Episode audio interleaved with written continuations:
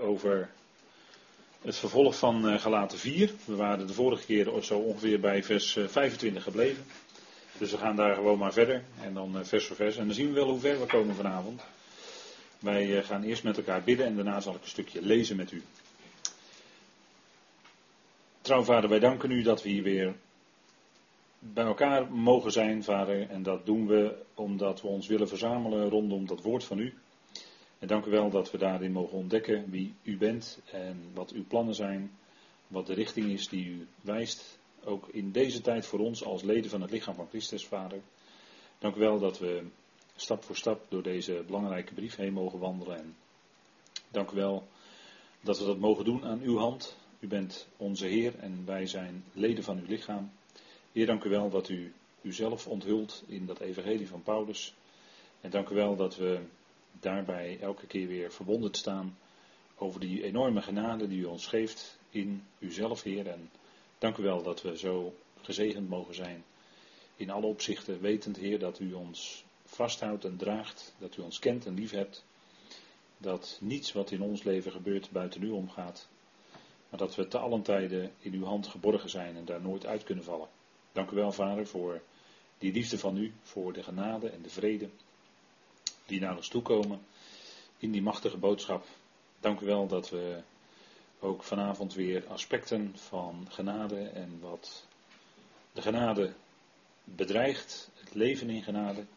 Heer, dat we daar weer stukje bij beetje bij stil mogen staan. Geeft u wijsheid in het spreken en in het luisteren, Heer. En mogen we die woorden van u opvangen. Iets daarvan verstaan, Heer, begrijpen met ons hart.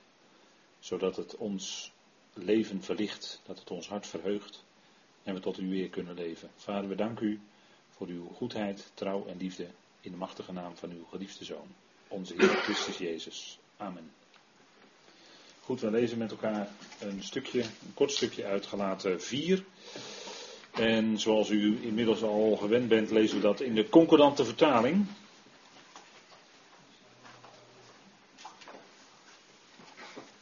En dat is niet een, uh, dat is niet een eigen vertaling of zo, maar dat is uh, consequent de schrift vertaald, zoveel mogelijk met het Griekse begrip hetzelfde vertaalwoord vertaald, zoveel als mogelijk is. Goed, wij lezen met elkaar um, vanaf vers 25 van hoofdstuk 4. Nu is Hagar de berg Sinaï in Arabië, die echter op één lijn staat met het huidige Jeruzalem. Want zij slaaft met haar kinderen. Het Jeruzalem boven is echter vrij, dat dan ook de moeder van ons allen is. Want er staat geschreven, wees verheugd onvruchtbare die niet baart, barst uit in gejuich en roep uit die geen weeën heeft, omdat velen de kinderen van de eenzame zijn, meer dan van de vrouw die de man heeft. Jullie echte broeders zijn zoals Isaac, kinderen van de belofte. Maar, evenals destijds hij die naar het vlees voortgebracht is, hem die naar de geest voortgebracht is vervolgde, zo is het ook nu. Maar wat zegt de schrift? Werp deze dienstmaagd en haar zoon uit, want in geen geval zal de zoon van de dienstmaagd het lotdeel genieten met de zoon van de vrije. Daarom, broeders, zijn wij geen kinderen van de dienstmaagd, maar van de vrije. Tot zover even dit stukje uit Galaten 4. En we hebben de vorige keer uh, dus gekeken naar het eerdere gedeelte. En dat is. Uh, goedenavond. Veel uh, laatste zullen de eerste zijn, zuster. Je mag lekker bij ons zitten. En we hebben gekeken aan de hand van dit stukje typologie, hè, waar Paulus de gelaten bij bepaalt, waar die mee die ze aanspreekt. In vers 21, hè, dat is eigenlijk het startpunt van dit uh, stukje uit het, uh, uit het Tenach, uit de Torah. En dan zegt hij tegen ze, zeg mij, jullie die onder de wet willen zijn, horen jullie de wet niet? Dus uh, duidelijk hier het statement hè, van Paulus.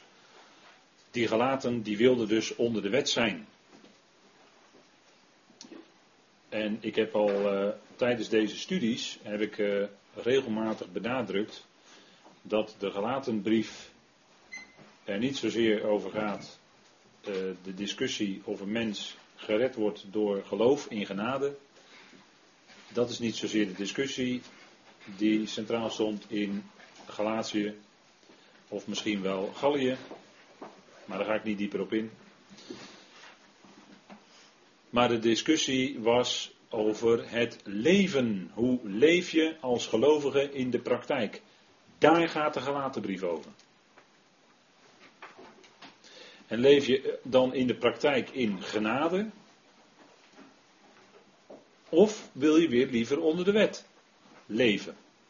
Vandaar dat deze vraagstelling, jullie die onder de wet willen zijn, dus leven. He, we moeten gelijk even scherp stellen. dan zet u even uw bril goed op uw neus.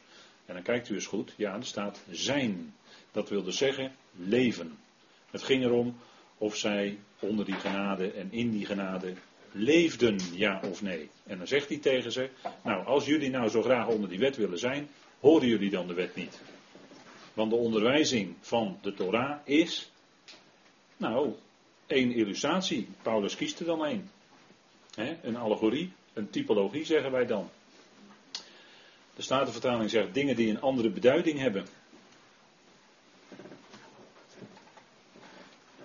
Dat is dus het verstaan van de Torah, het verstaan van de onderwijzing. En dan ben je bezig met de rechterkant van de Torah. Wat bedoel ik dan? Dan bedoel ik de geestelijke, diepere betekenis. Die wel degelijk ook van betekenis is voor de praktijk van ons leven. Het is niet alleen theorie. Maar het is wel degelijk voor de praktijk van ons leven. Maar als je uitgaat van de linkerkant van de Torah, dan zie je dat als een serie wetten en geboden waaraan jij moet gehoorzamen. En dat gaat in de praktijk niet lukken. Zie je Romeinen 7. Dan word je een ellendig mens. En wij leven dus nu, en dat is heel belangrijk dat we dat goed met elkaar vaststellen, in het beheer van de genade. Dat is het huidige beheer. Hè? Efeze 3, vers 2. Ik zal u even een bonnetje erbij geven. Efeze 3, vers 2. Wij leven in het beheer. En dan staat er oikonomia. En dat betekent huiswet, letterlijk. Of huisregel. Gods huishouding is nu die van genade. En in datzelfde Efeze 3 zegt hij in vers 9, Paulus, dat we leven nu in het beheer van het geheimenis. Dit was dus een geheime periode die niet eerder bekend was gemaakt. Deze afgelopen 2000 jaar, die bijna voorbij zijn. Het beheer van de genade is bijna voorbij. En dat is dus een ander beheer dan het voorgaande beheer. Dat was namelijk het beheer van de wet. God deelde aan Israël wet toe. Dat was de toedeling. En zij leefden dus onder de Torah. En ze moesten ook de andere natie leren om ook onder die Torah te gaan leven. Dat was dat beheer. Dus er is wel degelijk sprake van verschillen in de schrift, verschillen in tijd, verschillen in wat God toedeelt. Hij deelde in het verleden de Torah toe aan Israël en hij deelt nu toe genade. Genade zit nu op de troon. Genade is nu de heerser. Wij leven onder genade. Romeinen 5, Romeinen 6, Romeinen 7, Romeinen 8. Dat spreekt een en al van een leven onder de genade. Onder en uit de geest van God. dat is, eh, we hebben Romeinen uitgebreid behandeld. Maar soms denk je wel eens, ik zou het wel erin willen hameren. We leven onder de genade, we leven niet onder de wet. En dat is een onderscheid in tijden. Dat betekent dat er sprake is, en dat hebben we hier ook uitputtend behandeld aan de hand van Galaten 2, vers 7 tot en met 10. Ik geloof dat we daar een keer of 6, 7 over gedaan hebben een juiste schriftindeling. En zo zouden we de schrift lezen. En dat wordt keer op keer ter discussie gesteld. Maar als je dat uh, niet doet, dan raak je de waarheid kwijt. Dan heb je bijvoorbeeld een Hymenaeus en Philetus, die leerden dat de opstanding al had plaatsgevonden. Want zij lazen de schrift niet. Onderscheidend, dat wil zeggen, er is in de toekomst ook een opstanding. Ja, inderdaad, maar nu nog niet. Dat is onderscheidend lezen. Dat is rekening houden met verschillende tijdsperiodes. Dat God nu geen opstanding geeft, maar straks wel. Dat is onderscheidend lezen. En je moet ook onderscheidend lezen wat aan Israël geschreven is en wat aan de gemeente geschreven is. Dat is een juiste schriftindeling. en uh, nou, we leven dus nu onder het beheer van de genade. En dat is de heerser die nu op de troon zit. dat, dat is wat Paulus allemaal zegt in Romeinen 5 en 6. Genade zit op de troon. En anders is het niet. Het is niet anders. Dus als jij zelf vrijwillig anders wil gaan leven, vanuit de bergreden of onder de wet, moet jij weten. Maar dan geef je geen gehoor aan wat de schrift zelf aangeeft.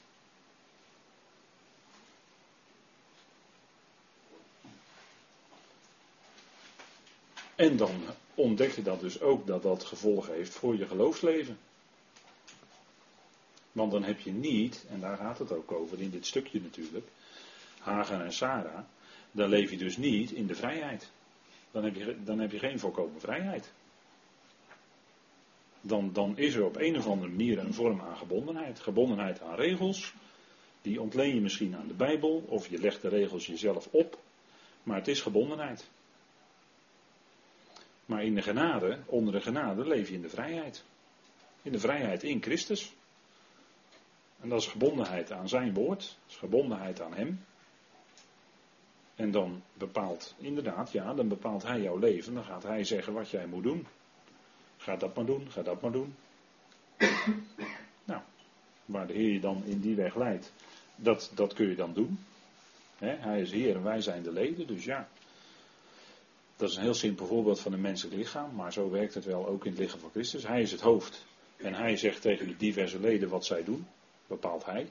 Dat bepalen wij niet, dat bepaalt hij wel.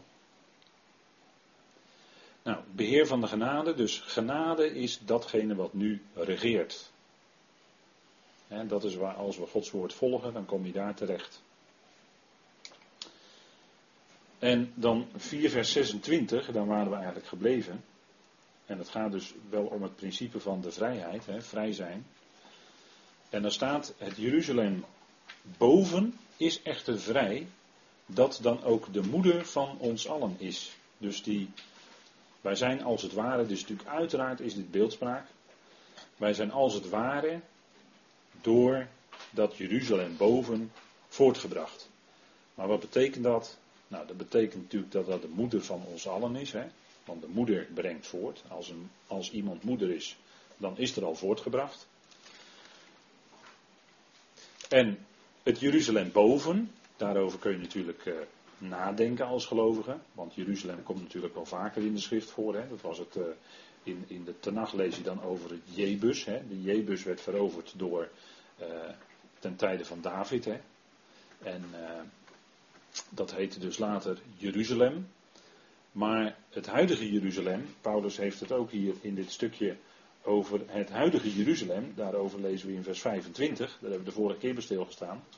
Het huidige Jeruzalem, dus het Jeruzalem in de dagen van Paulus, dat was in slavernij onder de wet. En onder het Judaïsme vooral. En we hebben toen ook gezien dat dat vandaag aan de dag eigenlijk in zekere zin nog steeds zo is. Die situatie is niet zo erg veel veranderd. Jeruzalem is in heidense handen geweest, langere tijd. Maar uh, er kwam dus wel een verandering in 1917 toen uh, een zekere Allenby was het geloof ik. Hè? Over de Allenby Bridge enzovoort. Uh, Jeruzalem binnentrok. Dat was de Britse generaal. En toen kwam er wel een verandering. Toen werd het mandaatgebied. En dat was misschien in zekere zin toch het begin van dat het uh, door, uh, dat was honderden jaren zo geweest, vele honderden jaren, had het ook moslimoverheersing gekend. Maar in 1917 kwam generaal Allenby, hè, de Eerste Wereldoorlog. Dat is al bijna 100 jaar geleden. En die trok Jeruzalem binnen. En in 1967, hè, dat was uh, 50 jaar later als ik goed tel, dan uh, kwam Jeruzalem in de handen van de Israëlieten terug. Ja, dat was wel heel opmerkelijk. Hè. In 1948 was een Joodse staat gesticht. En sindsdien de ene oorlog na de andere, want zij, zij kwamen dan toch in hun lotdeel. Of dat nou uit geloof was, Nou, dat was natuurlijk niet zo, het was geen geloofzaak, maar toch, ze waren er. En ze waren dus op hun lotdeel en dus was er gelijk strijd. En dus was er oorlog. En in 1967 was er de Zesdaagse Oorlog, dat weet u waarschijnlijk nog wel, dan zat u waarschijnlijk aan de radio gekluisterd. En dan las u elke dag heel gretig de nieuwsberichten en hoorde u die heel gretig op de radio. Tenminste, dat kan ik me nog herinneren, dat mijn ouders dan de radio aanzetten. Over alles wat met Israël te maken was, wilden horen, want het was heel spannend. En toen werd uh, Oost-Jeruzalem bevrijd en toen was heel Jeruzalem in handen van Israël, om het zo maar te zeggen. En het huidige Jeruzalem, daarin heb je nog steeds, heb ik ook de vorige keer gezegd, de Joodse wijk, Mea Shearim. En als jij als gooi daar komt, heb ik toen gezegd, dan kan het best zijn dat je niet zo welkom wordt bekeken. En dat is nog steeds dus diezelfde, hetzelfde dat de Israëliet of de Jood zich beroemt op de wet, op het hebben van de wet en ze rusten en uh, alles wat Paulus daar zegt in Romeinen 2. En ze kijken eigenlijk neer op de Goyim, want die hebben de wet niet. Nou. Maar wat bedoelt Paulus nou hier? Het huidige Jeruzalem is dus nog steeds in slavernij, want vandaag de dag is het ook voor een deel onder het Judaïsme. Is het in Joodse handen, maar het is niet vrij in geloof. Het is nog steeds gebonden. Het is in slavernij. Het zij onder de wet, het zij onder de zonde. En in de praktijk verschilt dat niet zo erg veel. Maar het nieuwe Jeruzalem, is dat dan het Jeruzalem boven? Want Paulus heeft het hier in dan vers 26 over. En dat is de tegenstelling. Het Jeruzalem boven stelt hij tegenover het huidige Jeruzalem. En slavernij, hè, want in vers 25 wordt gezegd: Jeruzalem zij slaaft met haar kinderen. Daartegenover staat in vers 26: Het Jeruzalem boven is vrij. Dus vrij tegenover dat slaven. Dat is de tegenstelling hier. Hè? Nou, het nieuw Jeruzalem. Is dat nu het Jeruzalem boven? Want u leest in openbaring 21 en 22 over een stad die uit de hemel neerdaalt op de aarde. En dat is dan het nieuw Jeruzalem. Maar is dat hetzelfde? Dat is nog maar even de vraag. Hè? Daar wordt dus van gezegd van dit Jeruzalem boven, dat is eigenlijk, als je deze lijn volgt hier in Galaten 4, en dat is de context hier, is dat eigenlijk Sarah. Hè? Want Sarah is in zekere zin de moeder van ons allen. Kijk, Abraham is in zekere zin de vader van ons allemaal. Want hij is de vader van alle gelovigen. Abraham was natuurlijk geen Jood. Abraham was een Hebreeër. Want toen, toen bestond het volk Israël natuurlijk nog lang niet. Dus Abraham is geen Jood, hè? Nee, hij is de vader van alle gelovigen. Staat in Galaten 3. Dus ook van ons. Als het gaat om het aspect van geloof, is Abraham onze vader. En dat zegt niks over waar wij ons lotdeel hebben. En Sarah, als het gaat, hier gaat het om het aspect van vrijheid. Sarah is de moeder van ons allen. Dat wil zeggen, de moeder van allen die vrij zijn. En dat zullen we nog wel meer zien. Hè? Zij is de moeder van ons allen. En Paulus zegt dan, kijk, hij maakt een tegenstelling tussen het Jeruzalem nu en dan zegt hij het Jeruzalem boven. En dat is eigenlijk beeldspraak. En dat wil nog niet zeggen dat dat het nieuw Jeruzalem is. Dat, hè, dat, dat wil niet zeggen. Het Jeruzalem boven, zegt hij. Hij zegt ook niet het Jeruzalem wat er straks zal zijn, of wat er in de toekomst zal zijn, zegt hij ook niet. Nee. Wordt alleen gezegd het Jeruzalem nu, dus dat, dat is een tijdsbepaling. Maar het wonderlijke is dat Paulus dan zegt het Jeruzalem boven. Dus dan maakt hij geen tijdsbepaling, maar ja, enigszins een ruimtebepaling. Hè? Boven, tegenover, nu. Dus dat moeten we al heel voorzichtig zijn om dan te zeggen dat het Jeruzalem boven hetzelfde is als het Nieuw Jeruzalem. En het gaat nog iets moeilijker worden. Maar in ieder geval wordt daarvan gezegd, wat dat Jeruzalem boven is, dat is namelijk vrij. En dat is eigenlijk het punt waar het om draait. Het gaat om die vrijheid. Om die stad, beeldspraak uiteraard, waar wij hè, wat in feite onze, gezien wordt als onze moeder. En dan gaat het onze moeder in het aspect van vrijheid. Zij is moeder van ons allen. Kijk, en wie zijn dan die allen? Nou, als het gaat om ons en ook nog om anderen, want als het gaat om aspecten van geloof en vrijheid, als je echt een gelovige bent, dan geniet je vrijheid. En dat geldt eigenlijk voor alle gelovigen. En dan stappen we dus even over de grenslijnen van een aantal bedelingen heen, of een aantal periodes van beheer. Want in, elk, in, in diverse periodes van beheer heb je gelovigen. En iedere ware gelovige, in welke periode van beheer ook, geniet een zekere vorm van vrijheid. Nou, voor ons geldt dan natuurlijk, zij is de moeder van ons allen en die gelaten, dat waren leden van Christus, leden van het lichaam van Christus. Dat zijn diegenen die in genade gered zijn. Als we praten over het lichaam van Christus. Dat zijn degenen die uit geloof leven. En geloof, dan denken we allereerst aan het geloof van Jezus Christus, hè, of van Christus Jezus. Die uit de belofte aan Abraham, in, die in Christus vervuld is, leven. Kijk, die belofte aan Abraham, dat is natuurlijk een heel wonderlijke belofte. Want er staat natuurlijk dat in hem en in zijn zaad, enkelvoud, alle geslachten van de aardbodem gezegend zullen worden. En er stond natuurlijk niet bij toen in Genesis in hoeverre wij dan als leden van het lichaam van Christus gezegend zouden worden. Dat wij geestelijke zegeningen genieten. Niet op aarde, maar te midden van de hemelingen. Ja, dat, dat werd natuurlijk in Tenach allemaal nog niet onthuld. Dat werd later pas onthuld. Maar het is wel degelijk ook voor ons geld dat wij leven uit de belofte die aan Abraham is gegeven en die in Christus vervuld is. Want in hem worden al die beloften natuurlijk waar. Hij is de grote vervulling van de Torah. De schrift komt ook tot leven als je hem kent als de levende Heer. Dan heb je zelf ook werkelijk leven. Namelijk leven in relatie met God. dan heb je verbinding met God. Dan sta je in de vrijheid in Christus. Dan heb je echt leven met de grote letter L. Leven, werkelijk leven. niet uh, bestaan, dat is niet bios, dat is zoals ongelovige leven, dat is biologisch leven, existeren. Maar wij zijn degene die werkelijk leven hebben. Nieuw leven in ons, leven van Christus. En dat is allemaal in Christus vervuld.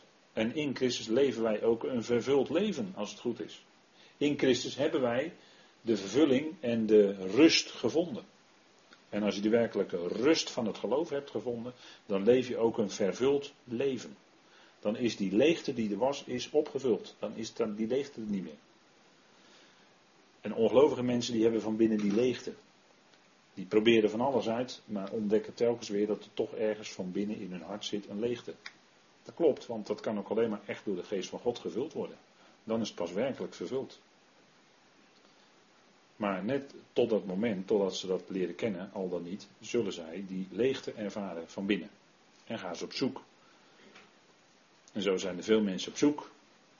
En die komen dan terecht bij Boeddha. En dan zetten ze een Boeddha-beeld in de tuin of in de kamer. Of, of en in de tuin en in de kamer en in hun slaapkamer en overal. of, ze gaan, uh, of ze worden hindoe, of ze worden moslim, of ze worden. Nou ja, noem al die wegen maar op. Of ze sluiten zich aan bij de Soefi-beweging, kan ook nog. of ze denken dat ze. Eh, of ze denken dat ze. Dat hebben we ook allemaal meegemaakt natuurlijk.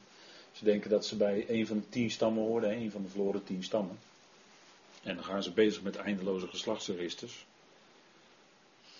Waar Paulus iets over zegt in 1 Timotheus 1, hè, dat Timotheus zich daar niet mee bezig zou houden met eindeloze geslachtsregisters. Van wie stam ik af? Daar hoeven wij ons niet mee bezig te houden. Of wij horen bij de tien stammen van Israël en bij.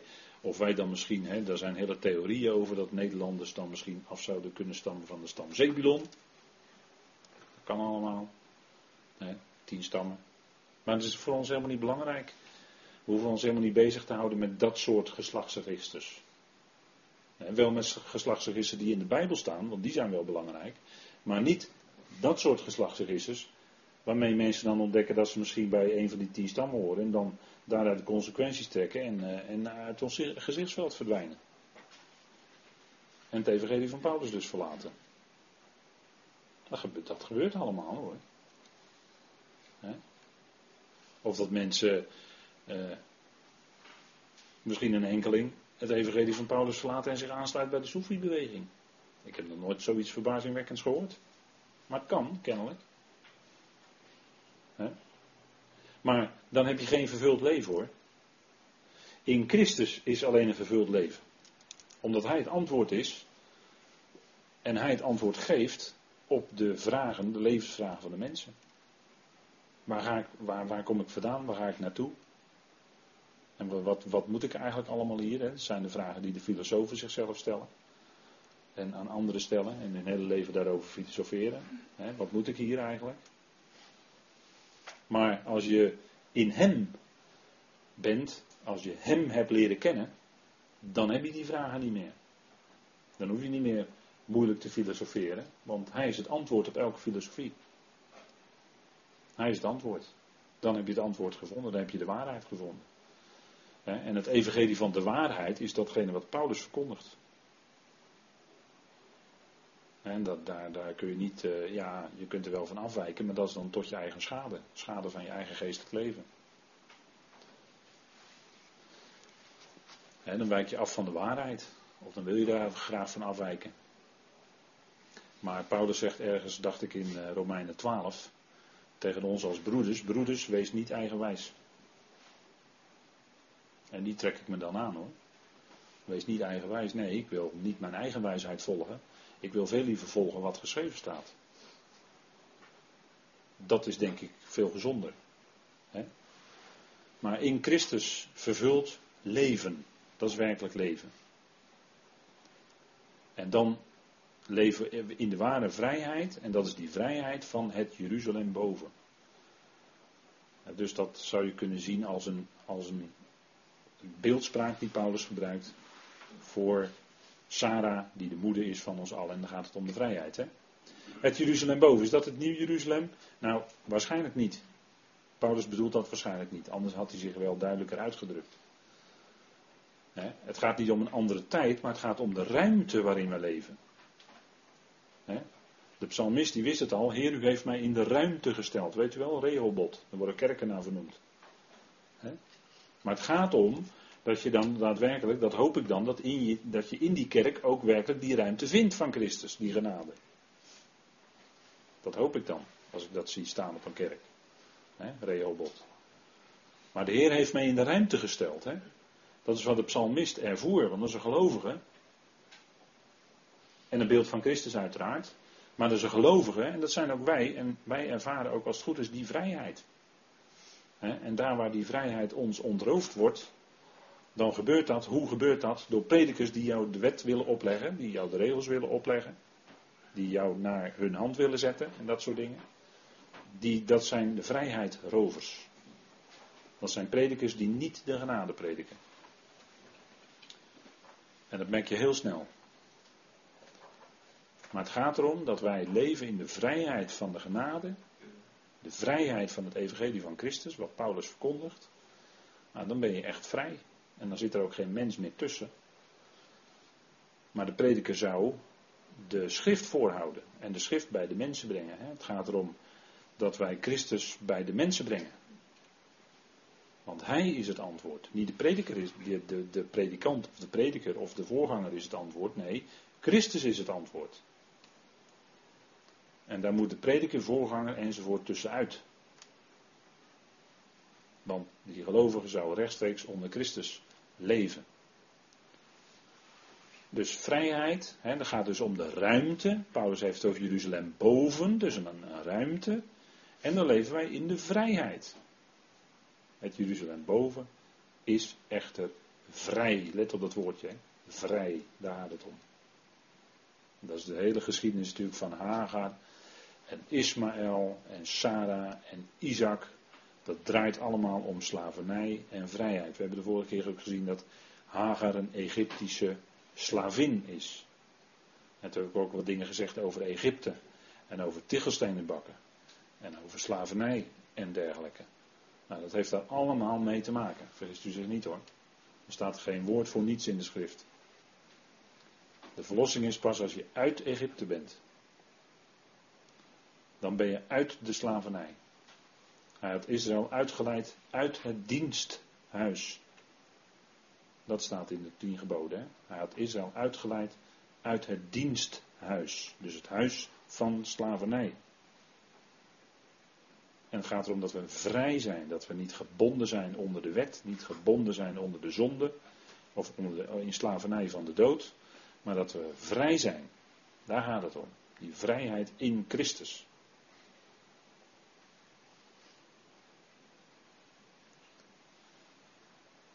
En als mensen op zoektocht gaan, dan ontdekken ze dat er veel gemeentes zijn, dat er veel kerken zijn. Maar ze ontdekken dan dat ook eigenlijk niet ergens de echte vrijheid is te vinden. Dat het op een of andere manier gaat om het moeten. Steeds maar het moeten. En, en dan ontdekken ze dus dat het evangelie van de genade, dat je dat echt in de vrijheid stelt. Want dat eist niets. dat is niet een moeten, maar dan wordt het van binnenuit een willen. Dan is Vader het die in ons werkt, het willen en het werken naar zijn welbaan. Dus dan is het niet meer dat opgelegde moeten wat je in zoveel gemeentes tegenkomt. Want zo werkt dat. Maar dan is het vrij. Dan ben je vrij. En dan leef je ook vrij. Het Jeruzalem boven, kunnen wij dan zeggen, en dat is dan voor ons die wat kennis hebben gekregen van het Evangelie, zoals Paulus dat brengt, is het Jeruzalem boven dan hetzelfde als het bovenhemels koninkrijk? Dat is een moeilijke, hè? want het bovenhemels koninkrijk dat wordt alleen genoemd in 2 Timotheus 4, vers 18. Hè? Dat is de toekomst, onze toekomst is daar. Dat koninkrijk boven. Maar kunnen wij dan het Jeruzalem boven hier gelijkstellen met dat koninkrijk? Dat is nou even de vraag.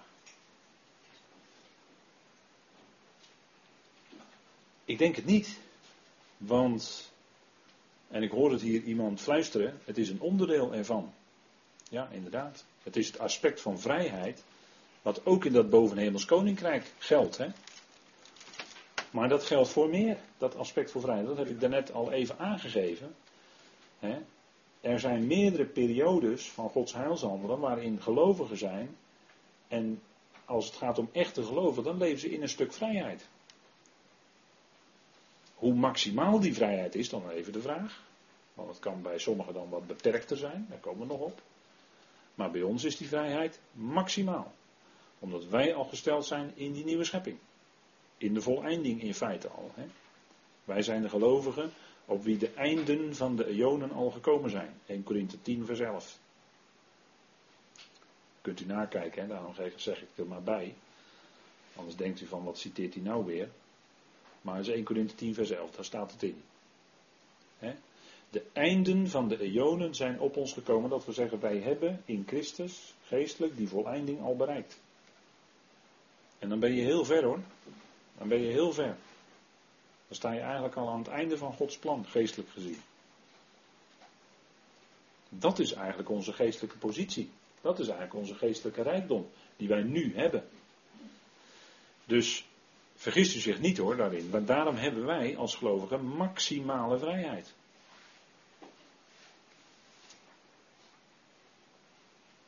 We zijn helemaal los van de grondbeginselen, daarmee bedoel ik, en daarmee, dan, dan denk ik aan de gelaten brief, waarin in die volgende hoofdstukken we bezig zijn geweest, in Efeze 4 of in Gelaten 4 ook, eerder in het hoofdstuk, waarin we bezig zijn geweest met de grondbeginselen van de wereld. Daar zijn we volledig vrij van. We zijn niet gebonden aan de grondbeginselen van deze oude schepping. Daar zijn we nou vrij van. Dus we hoeven niet meer ons onder een religie te begeven. Of allerlei godsdienstige verplichtingen. Maar we zijn volledig vrij. Dat, dat is het geweldige. Hè? En, en daar staat het Jeruzalem boven voor ons voor. Ja, ja, antwoord u maar.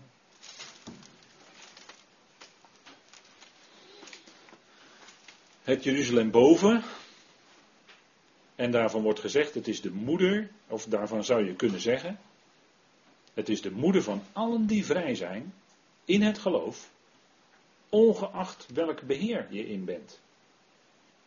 Want het gaat hier even, hier heel specifiek om het punt van vrijheid. Hè? Kijk, en bijvoorbeeld in het kader van het Koninkrijksevangelie, het Koninkrijksevangelie, wat Johannes verkondigde en wat de Heer Jezus verkondigde, binnen het kader van het Koninkrijksevangelie zegt de Heer Jezus in Johannes 8, en dat zullen we even met elkaar lezen. En daar is hij in een van die vele discussies met de Joden, hè, wat je in Johannes keer op keer leest, hè, leest u die hoofdstukken maar eens door, dan zult u elke keer ontdekken, dan gebeurt er iets, dan doet de Heer iets, en dan komt hij in discussie met de Joden. En dat gaat fel hoor. Dat gaat heel fel. Die namen geen blad voor de mond in hun felheid. Maar de Heer Jezus die nam ook geen blad voor de mond hoor. Maar in Johannes 8, en daar gaat het om vrijheid. En dan lees ik met u even vanaf vers 30. En dan gaat het dus ook over kinderen of zonen van Abraham. Toen hij deze dingen sprak, geloofden velen in hem. Jezus dan zei tegen de Joden die in hem geloofden: Als u in mijn woord blijft, bent u werkelijk mijn discipelen. En u zult de waarheid kennen, en de waarheid zal u vrij maken. Ziet u? Wat maakt dus een mens vrij? Nou, de waarheid.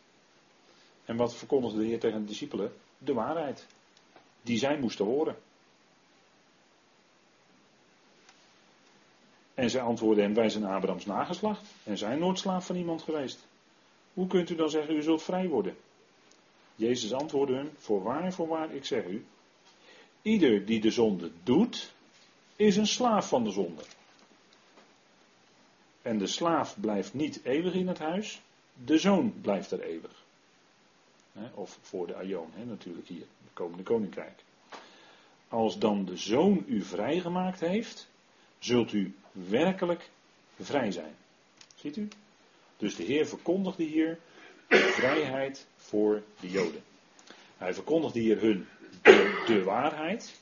En die waarheid die hij hun verkondigde, die maakte hun vrij. Als zij zouden geloven. Want hun zonde, want de Heer heeft het hier over zonde, hè, ieder die de zonde doet. Maar wat was de primaire zonde van de Joden? Wat was de primaire van de zonde van de Joden? Ongeloof, ja. Dat is de primaire zonde. dus let wel, hè. ongeloof is dus zonde. Hè. Even, even weer scherp stellen, even weer uw bril op uw neus zetten, goed lezen. Want dat is wat de schrift laat zien. Ongeloof. En door ongeloof ging het volk Israël bijvoorbeeld niet het land in.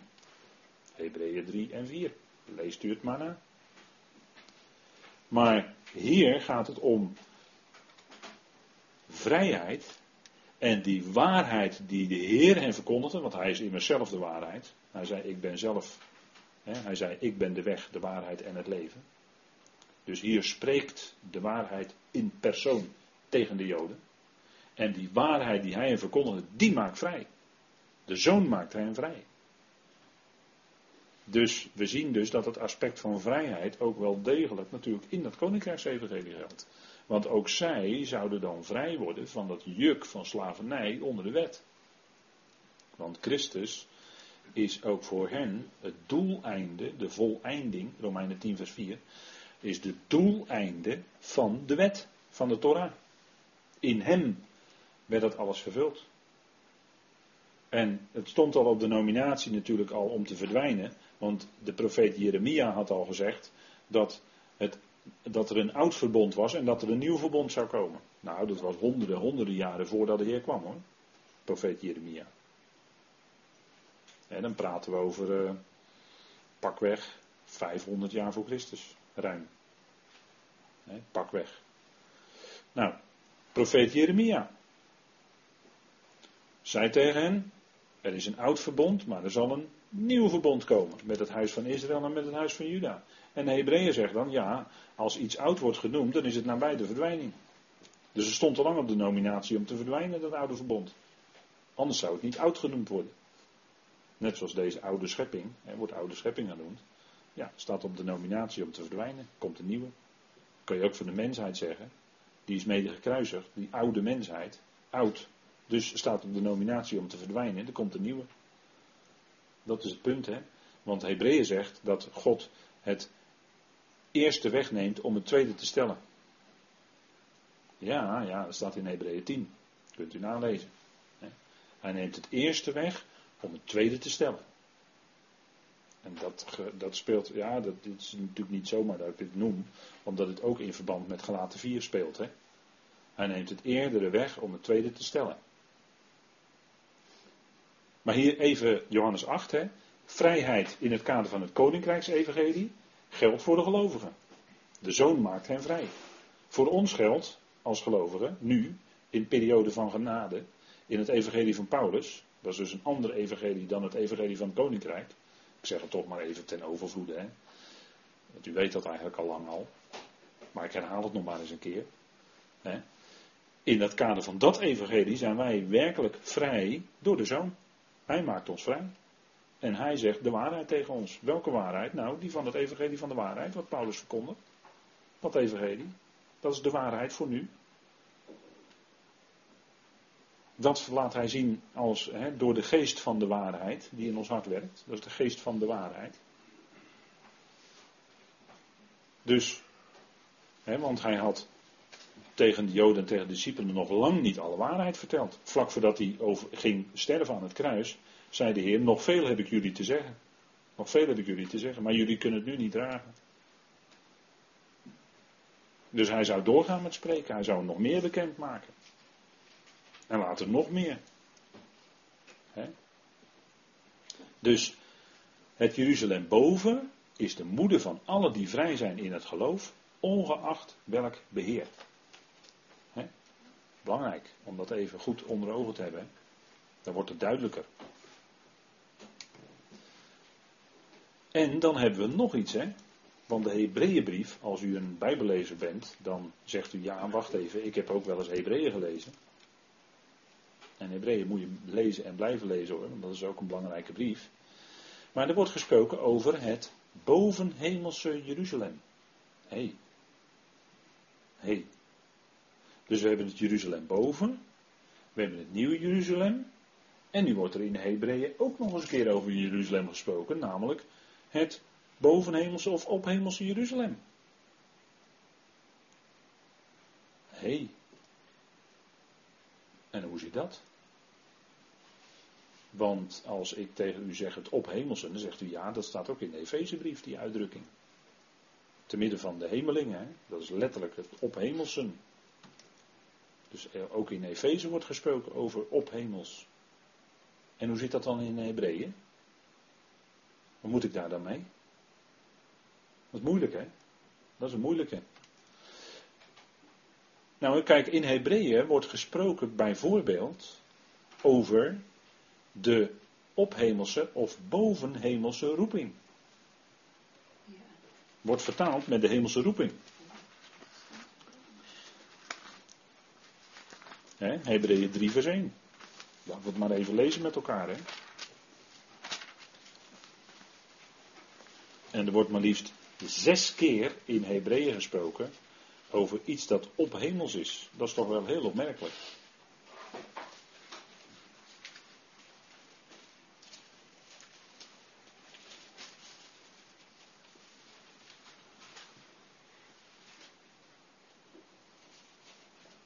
En dan zegt de Hebreeën schrijver, en ja, de Hebreeënbrief, als je die leest, hè, er staat nergens in de Hebreeënbrief zelf dat die gericht is aan de Hebreeën. Dat staat nergens letterlijk. Hè. Maar als je de brief gaat lezen, wordt duidelijk dat de schrijver zich richt tot gelovigen uit Israël, Hebreeën dus. Dat wordt wel duidelijk. Hè, die een aardse koninkrijksverwachting hadden. Die gelovigen.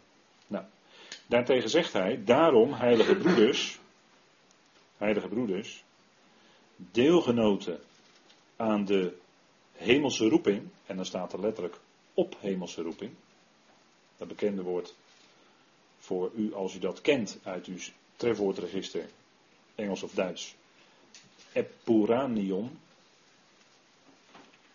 dat woord, dus dat is meer dan alleen hemels, maar het wil zeggen op hemels. Let op de apostel en hoge priester van onze beleidenis, Jezus. Hij is getrouw aan God die hem aangesteld heeft, zoals Mozes was in heel zijn huis. Want Christus is zoveel meer heerlijkheid waard geacht dan Mozes, evenals hij die het huis gebouwd heeft, meer eer ontvangt dan het huis zelf. Meer eer ontvangt dan het huis zelf. En wat wordt hier dan dus tegen die Hebreeën gezegd? Want deze Hebreeënbrief is toch wat breder dan wij misschien geneigd waren te denken. Kijk, er wordt tegen hen gezegd, heilige broeders, dus medegelovigen, deelgenoten aan de ophemelse roeping. Welke roeping is dat? Is dat een aardse roeping? Nee, dat staat er niet. Er staat ophemelse roeping. Moet eerlijk zijn, hè? Er staat ophemelse roeping. Daar kun je niet omheen. Dat is echt. En dan kun je ook niet zeggen van het is een roeping die uit de hemel komt en dat is voor op aarde. Dat kun je ook niet zeggen. Nee, het is een ophemelse roeping. Kijk, er waren in die tijd waren er velen uit Israël tot geloof gekomen. In het besnijdenis-evangelie, door de prediking van Petrus enzovoort. dus er waren toen de tijd heel veel die tot geloof in Jezus als hun Messias waren gekomen. En dat ging in de loop van handelingen, laat ik maar zeggen, een beetje uit elkaar vallen. er waren er heel wat die gingen met Jacobus mee. Waarvan Jacobus dan in handelingen zegt tegen Paulus. er zijn tienduizenden gelovigen hier en ze zijn allemaal ijveraars voor de wet. Die, die zaten dus in die lijn van Jacobus. de, de lijn van het vlees, zeg maar, gingen die toch meer op. En die stonden in die verwachting van dat aardse koninkrijk. Maar er waren ook gelovigen die toch wat oren kregen naar andere dingen. Want Paulus ging rond en dat gerucht over Paulus en wat hij sprak. En er waren dus ook uit Israël die op een gegeven moment Paulus gingen volgen. En Paulus verkondigde een andere toekomst op een gegeven moment.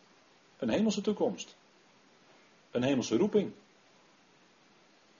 Waar dat voor ons zo bekend is. Maar uit die gelovigen van Israël, ja, er waren die Jacobus gingen volgen. Er waren waarschijnlijk ook nog wel die toch wat meer naar Petrus, maar dat is ook natuurlijk de aardse lijn. En er waren dus die daarvan toch eh, oren kregen, zeg maar, naar wat Paulus verkondigde. En die kregen te horen, ja, er is een hemelse roeping. Een roeping boven. En dat is anders dan de roeping voor het volk Israël.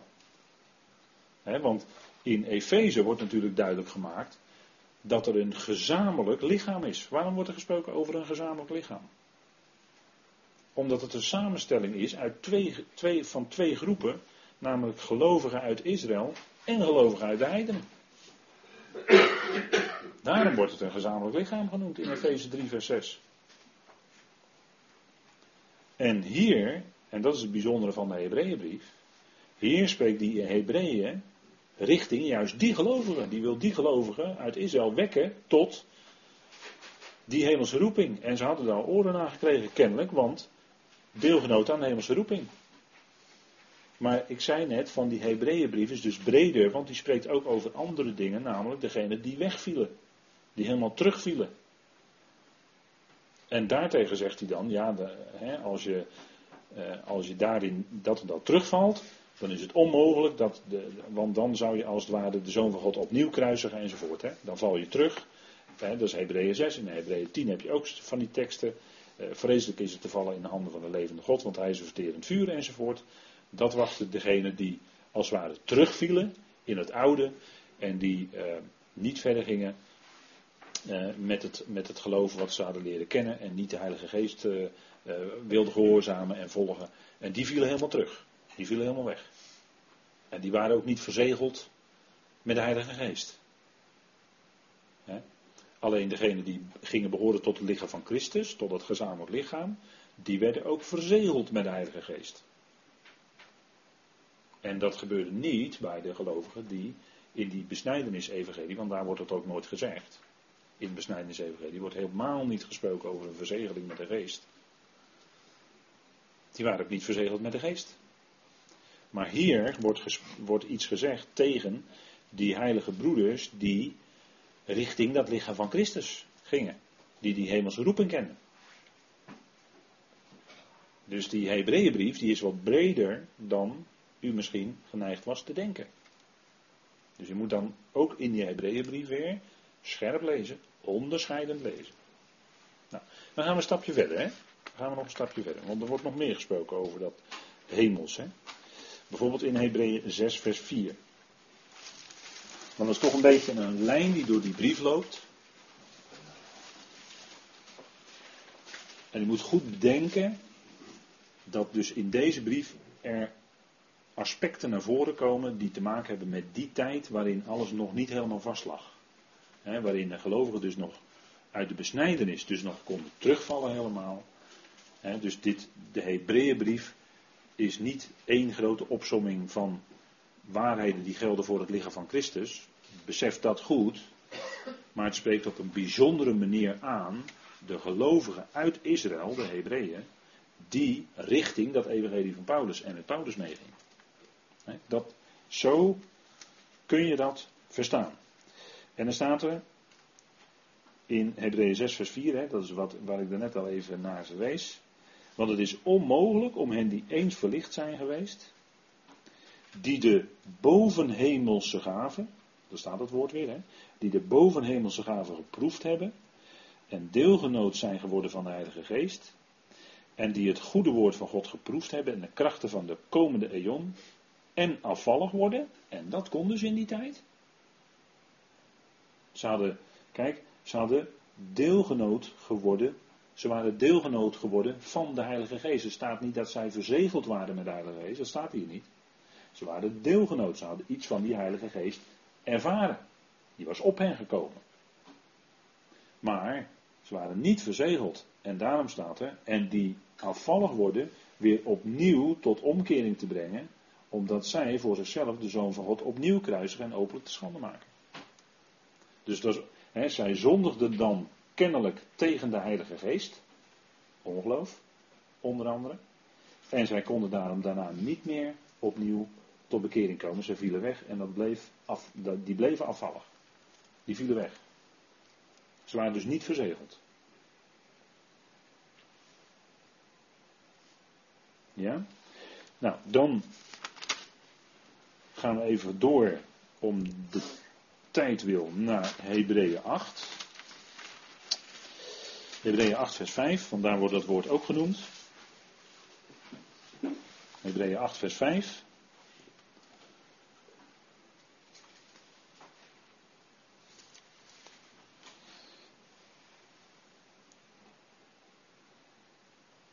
En er wordt van Christus gezegd, want als hij, in vers 4, als hij op aarde zou zijn, zou hij niet eens priester zijn, omdat er priesters zijn die volgens de wet gaven offeren dus de Hebreeën schrijver zegt, Christus kon niet op aarde priester zijn omdat hij uit de stam van Juda was en niet uit de stam van Levi. En de stam van Juda kende geen priesterschap, dus Christus had hier op aarde geen priester kunnen zijn, zegt hij. Ja? Deze doen dienst in een afbeelding en schaduw van de bovenhemelse dingen. Er staat hier hemelse in uw vertaling waarschijnlijk. Maar ze deden dienst in een afbeelding en schaduw van de bovenhemelse dingen. Overeenkomstig een aanwijzing van God die Mozes ontving bij het voltooien van de tabernakel. Want zie erop toe, zegt hij, dat u alles maakt overeenkomstig het voorbeeld dat u op de berg getoond is. dus hier hebben we opnieuw dat aspect van dat de Torah een schaduw bevatte van toekomstige goederen. En er wordt dus hier specifiek gezegd van bovenhemelse dingen. Dus bovenhemelse positie van Christus.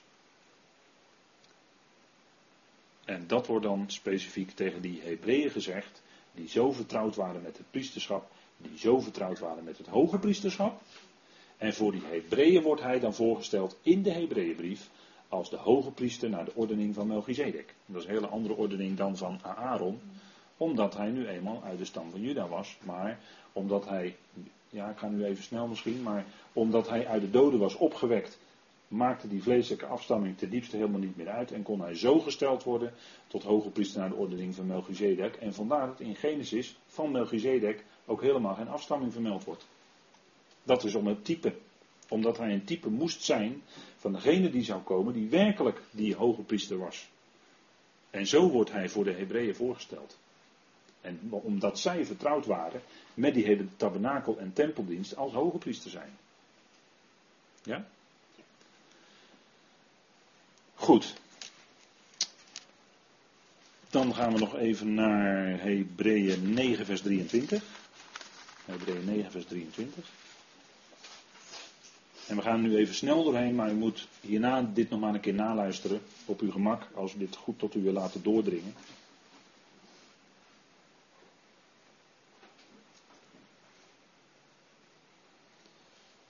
En dan lees ik even vanaf vers 22 of vanaf vers 21.